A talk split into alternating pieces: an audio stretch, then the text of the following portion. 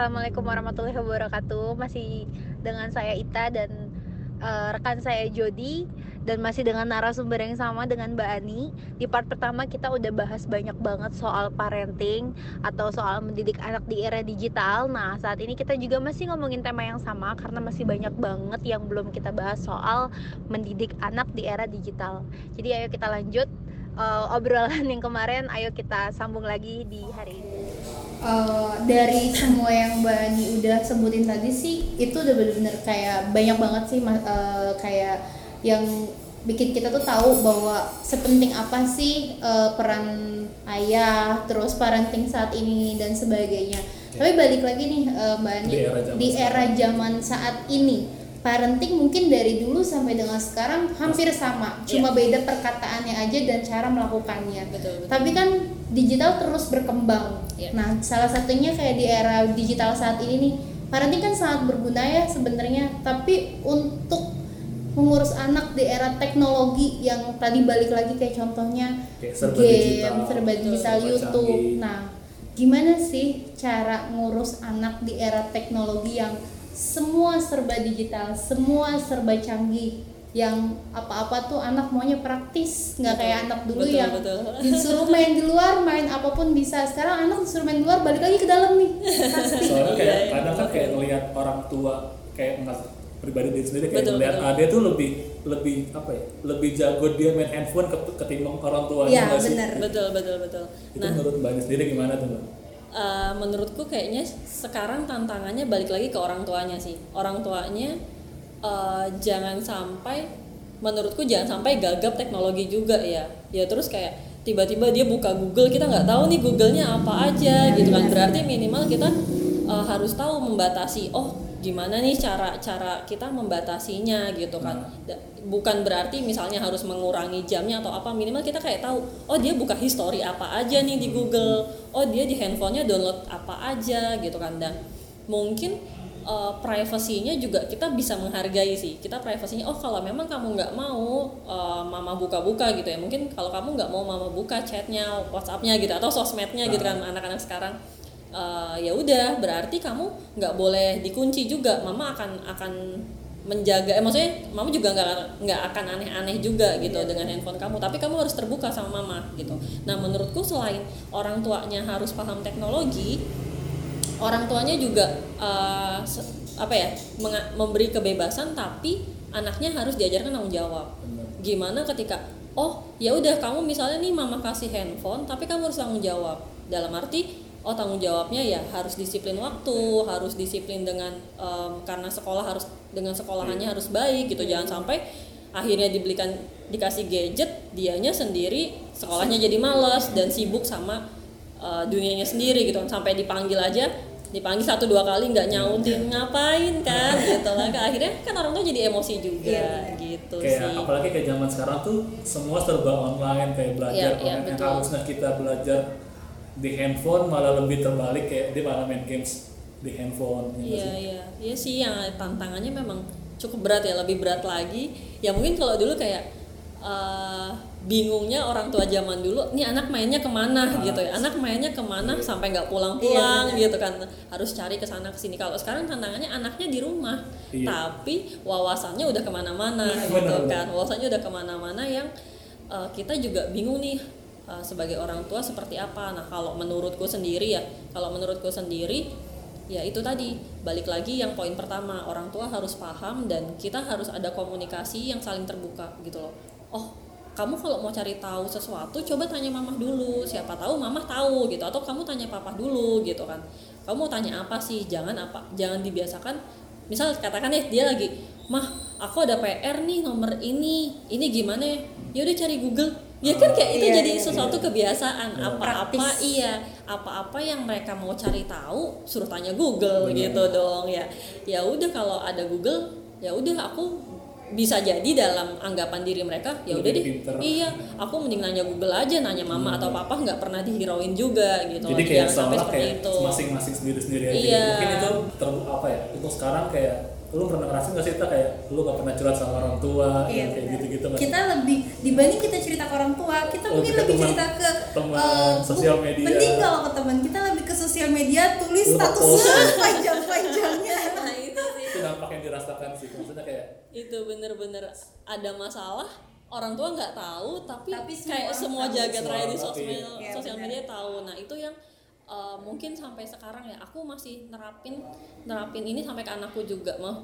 Ya dia mungkin masih umur 2 tahun tapi dia nggak dia nggak paham gitu kan Uh, dia harus cerita ke siapa. Makanya kita selalu storytelling ketika mau tidur tadi ngapain aja? gitu kan. Oh tadi uh, main apa atau tadi makan apa sekedar tanya-tanya kegiatan dia apa aja. Jadi itu menurutku uh, menumbuhkan rasa ya udah kita sama-sama terbuka dengan kegiatan kita dan secara tidak langsung itu kayak kita peduli gitu. Kita nanyain dia ngapain aja gitu.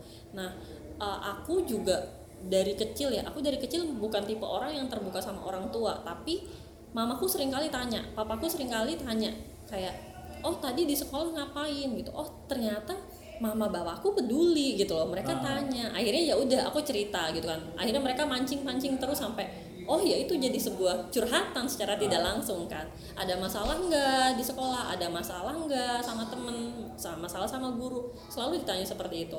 Walaupun mereka kayak sibuk gitu kan secara nggak langsung jam jam di rumah kayak cuman paling dari jam 7 malam sampai jam 9 gitu kan. Kayak kita cuman punya waktu dua jam pagi-pagi udah semua udah berangkat kerja udah berangkat sekolah gitu. Dari kecil aku seperti itu gitu. Nah oh iya aku merasakan gitu. Akhirnya aku bukan tipe orang yang bisa cerita ke siapa aja bahkan sampai ke status gitu ya. Aku jarang banget sampai sekarang. Karena ya itu orang tua aku membiasakan selalu cerita dulu sama mama, selalu cerita dulu sama papa gitu. Supaya kita tahu kamu tuh ada masalah apa, ada ada apa sih, apa yang kita bisa bantu supaya anak akhirnya enggak enggak meluap-meluap gitu di sosial media dan hubungan antara orang tua dan anaknya Lebih- juga lebih lebih dekat terbuka, lebih terbuka dan merasa lebih ya udah eh, kalau suatu saat gue punya masalah gue nggak perlu lari ke orang lain Iya. better gue cerita ke orang, Orang tua, tua. gue jadi kayak eh, sejauh mana mereka main mereka pasti akan pulang dulu gitu Betul. kalau dia punya masalah. Karena gue merasa nyaman di rumah gitu. Jadi ciptakan rumah yang nyaman rumah yang memang bersahabat itu yang aku juga sekarang aku tekankan ya. Maksudnya dengan suami kalau nanti Aksa tumbuh besar Aksa silakan gitu. Aku ya ini aku ngomong sekarang ya aku Ah. nggak tahu nanti seperti apa gitu kan bahkan kadang ada orang tua nanti kamu cita-citanya harus jadi A B C gitu ya.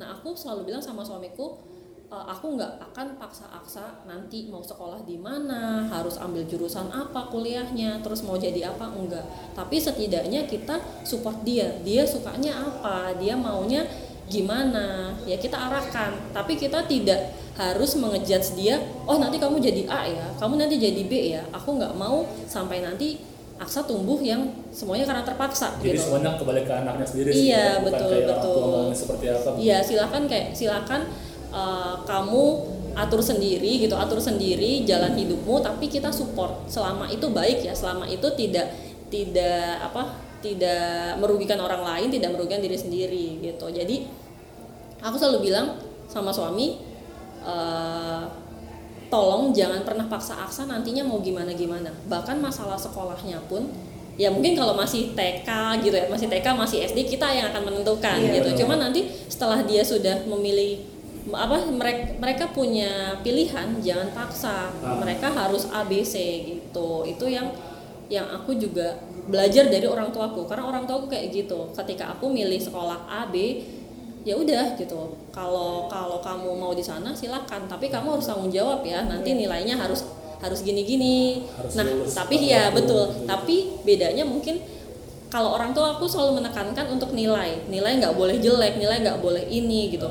Tapi mereka tidak pernah melihat uh, apa sih bakatku tuh maunya gimana gitu kan. Sering banget orang tua kok nilainya jelek sih gitu belum apa-apa udah jelek belum apa-apa kok rankingnya ranking 10 gitu nggak tahu selalu permasalahan apa yang di belakang Iya terjadi betul gitu. betul. Nah aku bilang sama suami juga nanti jangan salahkan Aksa kalau nilainya jelek gitu. Bisa jadi juga orang tuanya tidak mengajarkan. Benar, Bisa benar. jadi ada masalah yang dia tidak mengerti. Kita juga tidak mau tahu itu Ah. harus seperti apa gitu kan. Karena kayak iya nggak sih anak sekarang kasihan banget kayak udah masih SD tapi belajarnya udah harus kali-kalian Iya, sampai satu sampai sepuluh. Rasanya udah gila gitu. Kayak sampai orang lain suka ngomong aduh itu anak saya kok udah masih kelas 3 udah belajar udah begini-gini Iya. saya nggak ngerti orang tua aja kan bingung Iya, gimana anak gitu yang yang harusnya bahkan umur segitu mungkin ya udah kayak sekolah ya itu pendidikan gitu. Pendidikan yang memang harus mereka mereka apa mereka jalani. Tapi kan ada ada hal-hal lain yang juga mereka harus nggak boleh mereka apa ya nggak boleh mereka tinggalkan kayak mereka punya kebebasan main yang memang masih waktunya gitu loh memang waktunya masih seperti itu. Tapi kalau memang anaknya hobi kayak oh dilesin musik dilesin olahraga dilesin ini itu suka ya nggak apa-apa Iya, menurutku gitu. Lebih berjalan berdampingan iya gitu ya. betul betul Yang banget. penting kayak anak suka ya udah lakuin aja. Kita, Iya, kita jadi happy gitu loh. penting kita nggak maksa ya. Mm, aku selalu tekankan itu sih sama suami Nah, kalau Mbak Ade sendiri kayak eh, gimana sih tri- nge- mentreatment seorang anak tuh biar kayak kalau ada masalah ceritanya sama kita bukan ke sosial media. Apalagi kan kayak zaman sekarang kita upload update sedikit kayak ada masalah pasti kayak teman yang lebih care. Terus apa gimana sih cara orang tua biar lebih care eh, ke anak biar anak tuh lebih cerita lebih enak ke lebih terbuka sama kita gitu sih. Eh, ini mungkin karena aku belum merasakan anakku tumbuh tumbuh besar gitu ya Iya. tapi aku balik lagi tadi bilang aku akan selalu coba kayak storytelling tanya masalahnya apa dan mungkin yang boleh boleh aku ambil contoh itu aku dan suami gitu loh kayak eh, jangan sampai status yang dia update aku nggak tahu maksudnya Ah. kayak kayak minimal oh dia ada masalah aku minimal lebih tahu dulu daripada Benar. dia harus update status dulu Ah. gitu nah itu aku mentreatmentnya ya kita biasa selalu kalau mungkin suami istri ya pillow talk gitu kan Iya. sebelum tidur. Nah itu selalu yang aku biasakan. Kamu kerja hari ini tadi ngapain aja? Itu itu yang aku selalu tanyakan. Atau kamu ada masalah apa di kantor? Kok kayaknya bete banget? Atau uh, kenapa tadi di ada masalah apa? Dan lain-lainnya gitu loh. Itu yang selalu aku tekankan. Nah mungkin kalau ke anak nantinya ini saat ini aku ngomong ya kita nggak tahu lagi nanti kalau Aksa udah besar. Kan kita nggak pernah tahu ya perkembangan zamannya. Terus uh, anaknya nanti akan seperti apa. Tapi aku akan aku akan coba uh, aku mau menjadi temannya juga gitu loh. Karena aku uh, melihat ketika ketika anak dekat dengan orang tua dia tidak pernah merasa ada gap. Dia tidak Ah. pernah ada merasa oh ya udah daripada iya iya iya keluar. betul. Jadi ya mungkin quality time se quality time itu nggak harus yang kayak berjam-jam sih menurutku. Tapi kayak better satu jam tapi itu berarti banget buat anak juga. Daripada kayak oh kita keluar seharian atau kita kayak oh kita liburan yuk keluar kota. Tapi pas liburan keluar kota juga anaknya orang tuanya sibuk sendiri Iya, gitu. Loh nah itu sih. Jadi kayaknya memang waktu tapi yang benar-benar bermakna untuk untuk kita bonding ya untuk kita bonding sekeluarga dan kita kita buat mereka nyaman gitu loh. Gimana sih cara membuat anak nyaman gitu? Ya bagaimanapun kita harus tahu dulu anaknya maunya kayak apa. Mereka harus gimana. Jangan sampai belum apa-apa udah dijudge kamu tuh ya nggak dengerin mama gitu nggak sih? Kamu tuh ya. eh, ngeyel banget kalau dikasih tahu. Tuh kan udah mama kasih tahu itu kan kayak sesuatu yang sebenarnya ringan ya kalau diucapin. Tapi kadang ke anak itu kena gitu loh.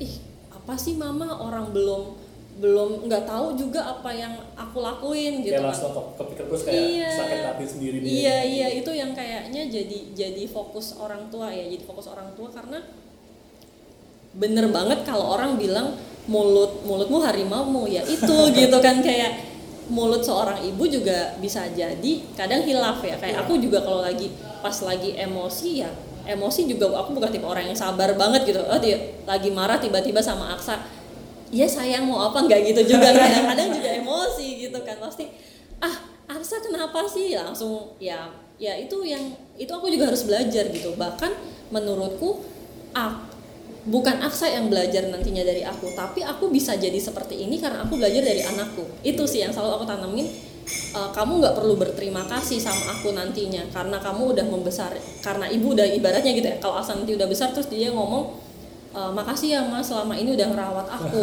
udah udah ngejagain aku udah ngedidik aku. Nah itu yang kayaknya oh enggak bukan bukan bukan bukan kamu yang harusnya terima kasih sama sama mama gitu. Ini yang nanti mungkin kalau Aksa denger podcast ini mungkin gitu ya kalau udah gede terus kayak enggak enggak Aksa bukan bukan Aksa yang harus terima kasih sama mama tapi mama yang akan terima kasih sama Aksa karena dengan adanya dia aku belajar gitu loh. Aku belajar aku jadi seorang ibu aku belajar aku harus uh, mendidik dia dan dia itu amanah menurutku gitu loh. Amanah yang memang nggak akan ada habisnya sampai nanti ketika dia sudah berhasil dan apa itulah yang akan jadi jawaban gitu kan.